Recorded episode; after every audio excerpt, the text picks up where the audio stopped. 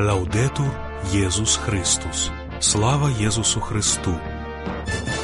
У эфіры Ватыканскае радыё. Навіны з апостальскай сталіцы па-беларуску.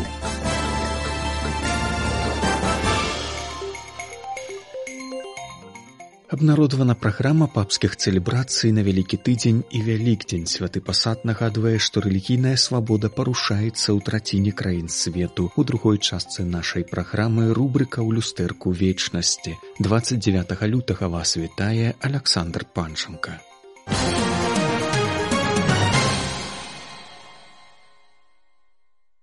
Бог рынку і багіня прыбытку і лжывыя богі, якія вядуць да дэгуманізацыі і разбурэння планеты, сказаў папа ў відэапасланні панамерыканскаму камітэту суддзяў па сацыяльных правах і францішканскай дактрыне. Святы отец падкрэсліў важную ролю юстыцыі ў наш складаны час. Місія судовых работнікаў, адвакатаў, суддзяў, пракурораў, абаронцаў з'яўляецца фундаментальнай і вырашальнай. Судовая ўлада гэта апошні сродак прававой абароны, ліквідацыі парушэння правоў і захавання інстытуцыйнай сацыяльнай раўнавагі. Мы жывем у час глыбокай несправядлівасці шматлікія багатыя становяцца ўсё больш магутнымі, а мільёны бедных адпрэчваюцца і адкідаюцца. Няма будучыні, няма развіцця, няма справядлівасці і дэмакратыі ў свеце, дзе мільёны дзяцей штодня сілкуюцца толькі адходамі адзначыў францішак. Сацыяльныя правы маюць кошт, сродкі для іх падтрымкі ёсць, але гэта патрабуе адэкватных рацыянальных і справядлівых палітычных рашэнняў. Цэнтральную ролю ў падтрымцы сацыяльнай справядлівасці заклікана выконваць дзяржава дзяржава. Законы і правілы ўжо існуюць, праблема заключаецца ў іх рэалізацыі. З гэтага пачынаецца ваша роля, нагадаў папа суддзям.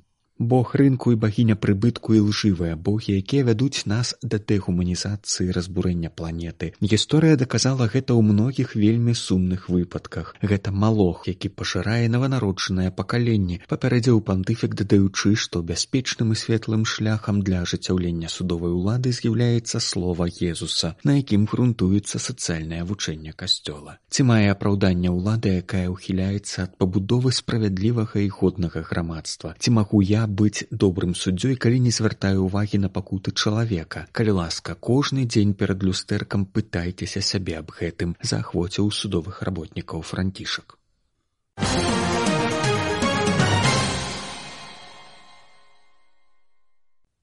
Сёння служба папскіх літургічных цэлебрацый абнародавала праграму публічных набажэнстваў з удзелам святого айца ў бліжэйшыя тыдні. У пальмовую нядзелю 24 сакавіка папа будзе цэлебраваць мшу на плошчы святого Пятра, падчас якой адбудзецца традыцыйная працэсія з пальмовымі галінкамі. У вялікі чацвер 28 сакавіка ён узначаліць эўхарыстую са святарамі ў ватыканскай базіліцы. 29 сакавіка святы отец будзе прысутнічаць на літургіі вялікай пятніцы, а затым адправіцца ў рымскі калізей для ўдзелу ў набажэнстве крыжовага шляху. У суботу 30 сакавіка францішак узначаліць імшу пасхальнай вігіліі ў базіліцы святого Пятра 31 сакавіка там жа ён будзе цэлебраваць святочную велікодную эўхарыстую, пасля якой з цэнтральнай лучшай ватыканскай базілікі скіруе пасланне міру і ўдзеліць благаслаўленне урбі торбі.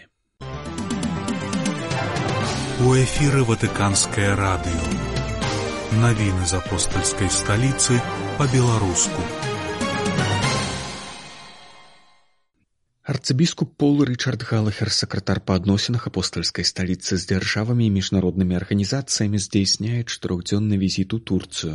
Учора папскі дыпламат цэлебраваў святую мшу ў катэдральным касцёле ў Стамбуле, якая была прымеркавана да 11 гадавіны абрання францішка на пасад святого Пятра. Сёння адбылася яго сустрэча з патрыярхам канстантынопольскім барталамеем другім. Галоўнай мэтай падарожжа арцбіскупа Галахера з'яўляецца ўдзел у дыпламатычным форуме ў Анталіі першага і другога сакавіка. Буйное міжнароднае мерапрыемства, якое пройдзе ўжо ў трэці раз будзе прысвечана тэме акцэнт на дыпламатыі ў крызісны перыяд савет. На ім збяруцца кіраўнікі 20 дзяржаў і ўрадаў каля 90 міністраў, главы знешнепалітычных ведомстваў 60 краін, прадстаўнікі каля 80 міжнародных і рэгіянальных арганізацый, а таксама бізнесмены, эксперты і навукоўцы.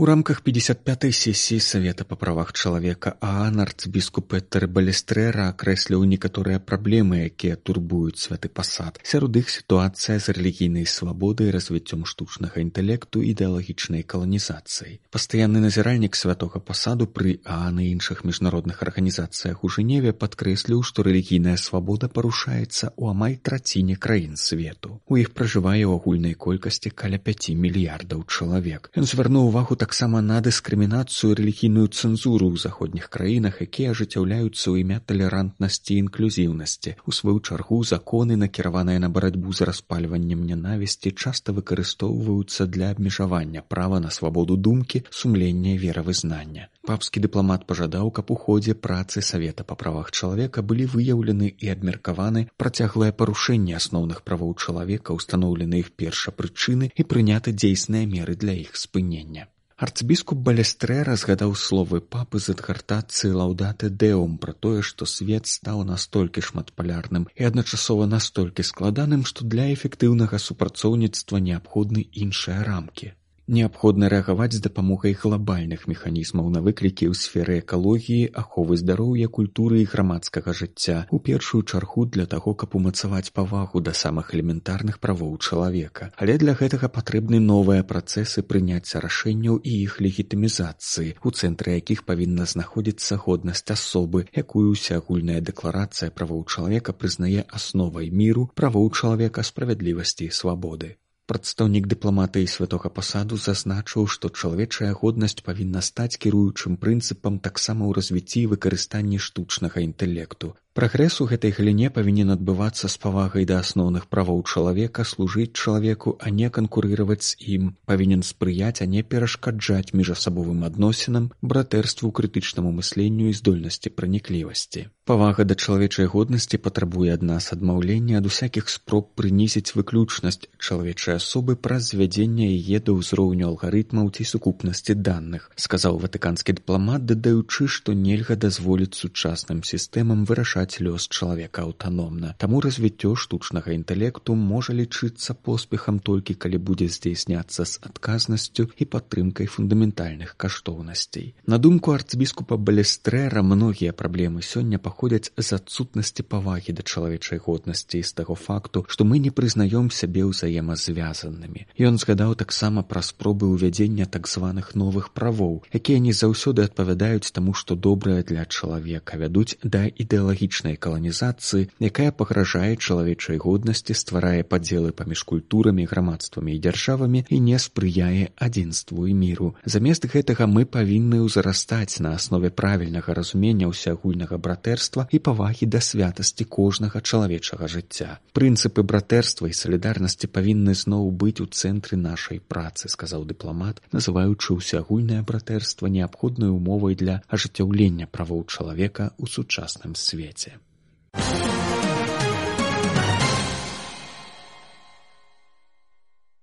Сёмага восьмага сакавіка ў папскім універсітэце святого крыжа пройдзе міжвузаўская канферэнцыя, прысвечаная жаночым постацям у касцёле. Прэзентацыя падзеі прайшла ўчора ў патрыстычным інстытуце аўгустыніяну мурыме. Форум пройдзе пад назвай жанчыны ў касцёле творцы чалавечнасці. Удзельнікі канферэнцыі паразважаюць над яркімі сведчаннямі дзесяці жанчын, манахінь місіянерак светецкіх замужніх жанчын і маці, якія сеялі Божае слова на розных кантынентах. Многія з іх жылі верай у неспрыяльных і нават бесчалавечных умовах. Сярод арганізатараў канферэнцыі такія акадэмічныя установы, як каталіцкі універсітэт авілы, папскі урбаніянскі універсітэт, папскі універсітэт святога крыжа, інстытут вышэйшых жаночых даследаванняў папскага універсітэта рэгіна апостолёрум і папскі папскі тэалагічны факультэт тэрзіянум у рыме ініцыятыва праводзіцца кожныя два гады сёлета канферэнцыя будзе прысвечана постацям дзесяці святых жанчын сярод якіх жозефіна бакіта элізабет энсетон марыя макелап святая лаўра ад святой кацерины сіенскай катарыты таквіта маці тэреза калькутская благословлёная марыя бальтраме кватрокі і іншая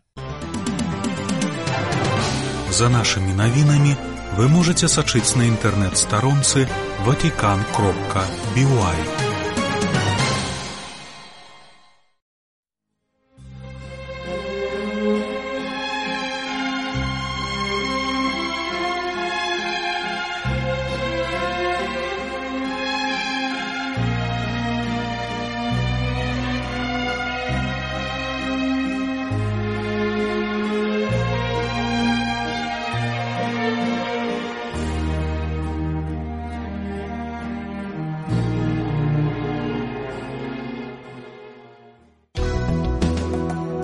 vatican.by. амерыканскае радыё.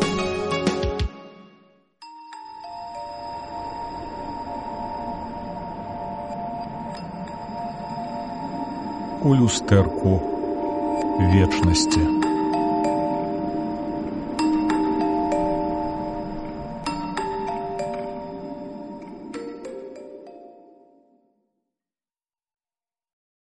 некалькі пакаленняў мастакоў стагоддзямі імкнуліся адлюстраваць рэчаісную Беларусь, зафіксаваць, увекавечы тое, што яны бачылі ў свой час навокал у люстэрку вечнасці. Мы працягваем нашыя перадачы пра творы мастацтва і дойлідства Беларусі і пра лёсы іх стваральнікаў у хрысціянскім кантэксце пры мікрафоне зноў тут я Сергей харыўскі і гэтым разам я хачу распавесці вам пра выбітна польскага мастака юзафа пешку які зрабіў відары з сяго нашага краю на мяжы 18 і 19 стагоддзяў. Ён нарадзіўшыся быў у лютым 1767 году у кракаве там сама ён атрымаў і мастакоўскую адукацыю. Затым па пратэкцыі віленскага біскупа масальска пешка ў 19гадовым зросце паступіў у славутую мастацкую школу францішка смуглевіча у варшаве. У 1793 годзе напярэдадні паўстання касцюшкі малады мастак юзаф пешка упершыню наведаў гродна, дзе пазней бываў шмат кроць, пакінуўшы нам акварэлі і малюнкі гэтага слаўнага гораду над днёманаў на мяжы 18 і 19 стагоддзяў. Далейшы шлях пешкі ідзе ў вільню, в якой ён затрымаўся на некалькі гадоў, выкладаючы ў віленскім універсітэце на кафедры мастацтваў. А адсюль з вільні пешка едзе ў Пецярбург на запрашэнне цара Паўла, дзе прымае ўдзел у аздабленні ягона імператарска михайлаўскага замка. Вяртанне з расеі праз Беларусь расцягнулася на некалькі гадоў. У гэты час пешка стварыў цудоўную нізку акварэляў з відамі магілёва, шклова, смалянаў. Некалькі выдатных акварэляў прысвечана віцебску, паводле якіх мы ўяўляем цяпер той самы горад канца 18 стагоддзя са шматлікімі храмамі. Гэтыя акварэлі маюць сёння вялікую эстэтычную і гістарычную каштоўнасць, як першыя мастацкія выявы многіх беларускіх гарадоў. Мастак вярнуўся ў вільню, але па-ранейшаму ён шмат падарожнічаў па беларусі. Захаваліся ягоныя малюнкі і акварэлі з краявідамі наваградка, ліды, любчы, нясвіжа ды ягоных ваколіцаў. У 1809 годзе ён прыязджае ў Мінск і на некаторы час пасяляецца ў славутага калекцыянера маршалка тутэйшай шляхты ежы кабылінскага.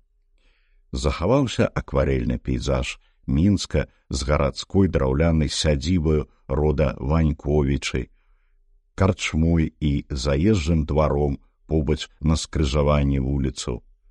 З Менска мастак шматкроць выязджае у лошыцу, сёмкава, смілавічы. Юзаф Пешка адным з першых мастакоў адлюстраваў і верхні горад мінска з каталіцкай катедрою былым езуіцкім саборам. На пешкавай акварэлі з якой былі зробленыя і пазнейшыя шматлікія літаграфіі мы бачым саборную плошчу з галоўнымі мінскімі цікавосткамі канца 18 пачатку 19 стагоддзя. Злева ратушу а справа кафедральны сабор з кляштарам езуітаў і біскупскім палацам. Таксама Юзаф Пешка намаляваў і менскую сядзібу ваньковічаў, пра якую я сказаў пры колішняй вуліцы валоцкай. Мы бачым на ягонай акварэлі за агароджай у глыбіні двара той самы палацык з высокім вальмавым дахам, што быў пабудаваны у семнацатым стагоддзі і перабудаваны пазней у духу ранняга класіцызму. Вось менавіта ў тым панскім доме і гасцяваў сам Юзаф Пешка. Гэты куток беларускай сталіцы выглядае сёння рыхтык так, як і больш як дзве сотні гадоў таму. Юзаф Пешка пакінуў нам яшчэ адно каштоўнейшае сведчанне сваёй эпохі. Від сядзібы прушынскіх у лошыцы, дзе многія старыя дрэвы яшчэ памятаюць часы мастака да сёння ад тагачаснай сядзібы 18 стагоддзя, якой я бачыў юзах пешка, захаваліся ліпавыя прысады, руіны касцёла найсвяцейшыя дзевы Маріі. Мураваны будынак у стылю ракако быў васьмігранным плане з высокім пекным купалам, што і засведчыў у сваім творы польскі мастак. У тым касцёліку былі пахаваныя многія пакаленні ўладальнікаў маёнтку, але да нашых дзён ад яго засталіся толькі аскабалы. У тым касцёліку былі пахаваныя многія пакаленні ўладальнікаў маёнтку, але да нашых дзён ад яго засталіся толькі аскабалкі сценаў. Пешка заспеў у вільні пачатак напалеонаўскай кампаніі што ён і адлюстраваў на сваім малюнку тушам, як уваход арміі Наполеона у вільню ў чэрвені 1812 году. Але параза Наполеона, арышты і высылкі ягоных прыхільнікаў змусілі пешку у 1813 годзе назаўжды пакінуць вільню і вярнуцца ў свой родны слаўны кракаў. Пасля гадоў бясконцых вандровак наступае апошні этап ягонага жыцця і творчасці, апафеозам якога літаральна ў год смерці было прызнанне і прызначэнне юзафа пешкі на пасаду дырэктара кракаўскай акадэміі мастацтва. І пільна ўглядаючыся сёння ў творы юзафа пешкі, мы ўсведамляем, што на зямлі мінае ўсё а мастацтва застанецца ў вечнасці. І імя гэтага вялікага мастака вартае таго, каб мы ведалі ягоную творчасць у Беларусі, помнілі яго на жыццяпіс і помнілі пра каштоўнасці вечныя.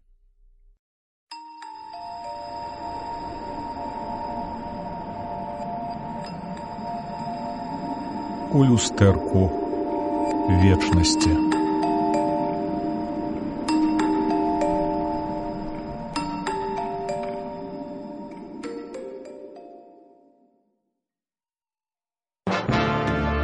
Вы слухали беларускую праграму ватыканскага радыё. За нашымі навінамі вы можете сачыць на інтэрнэт-старонцы ватикан кропка бівай. Слава Езусу Христу! Laudetur Jesus Christus.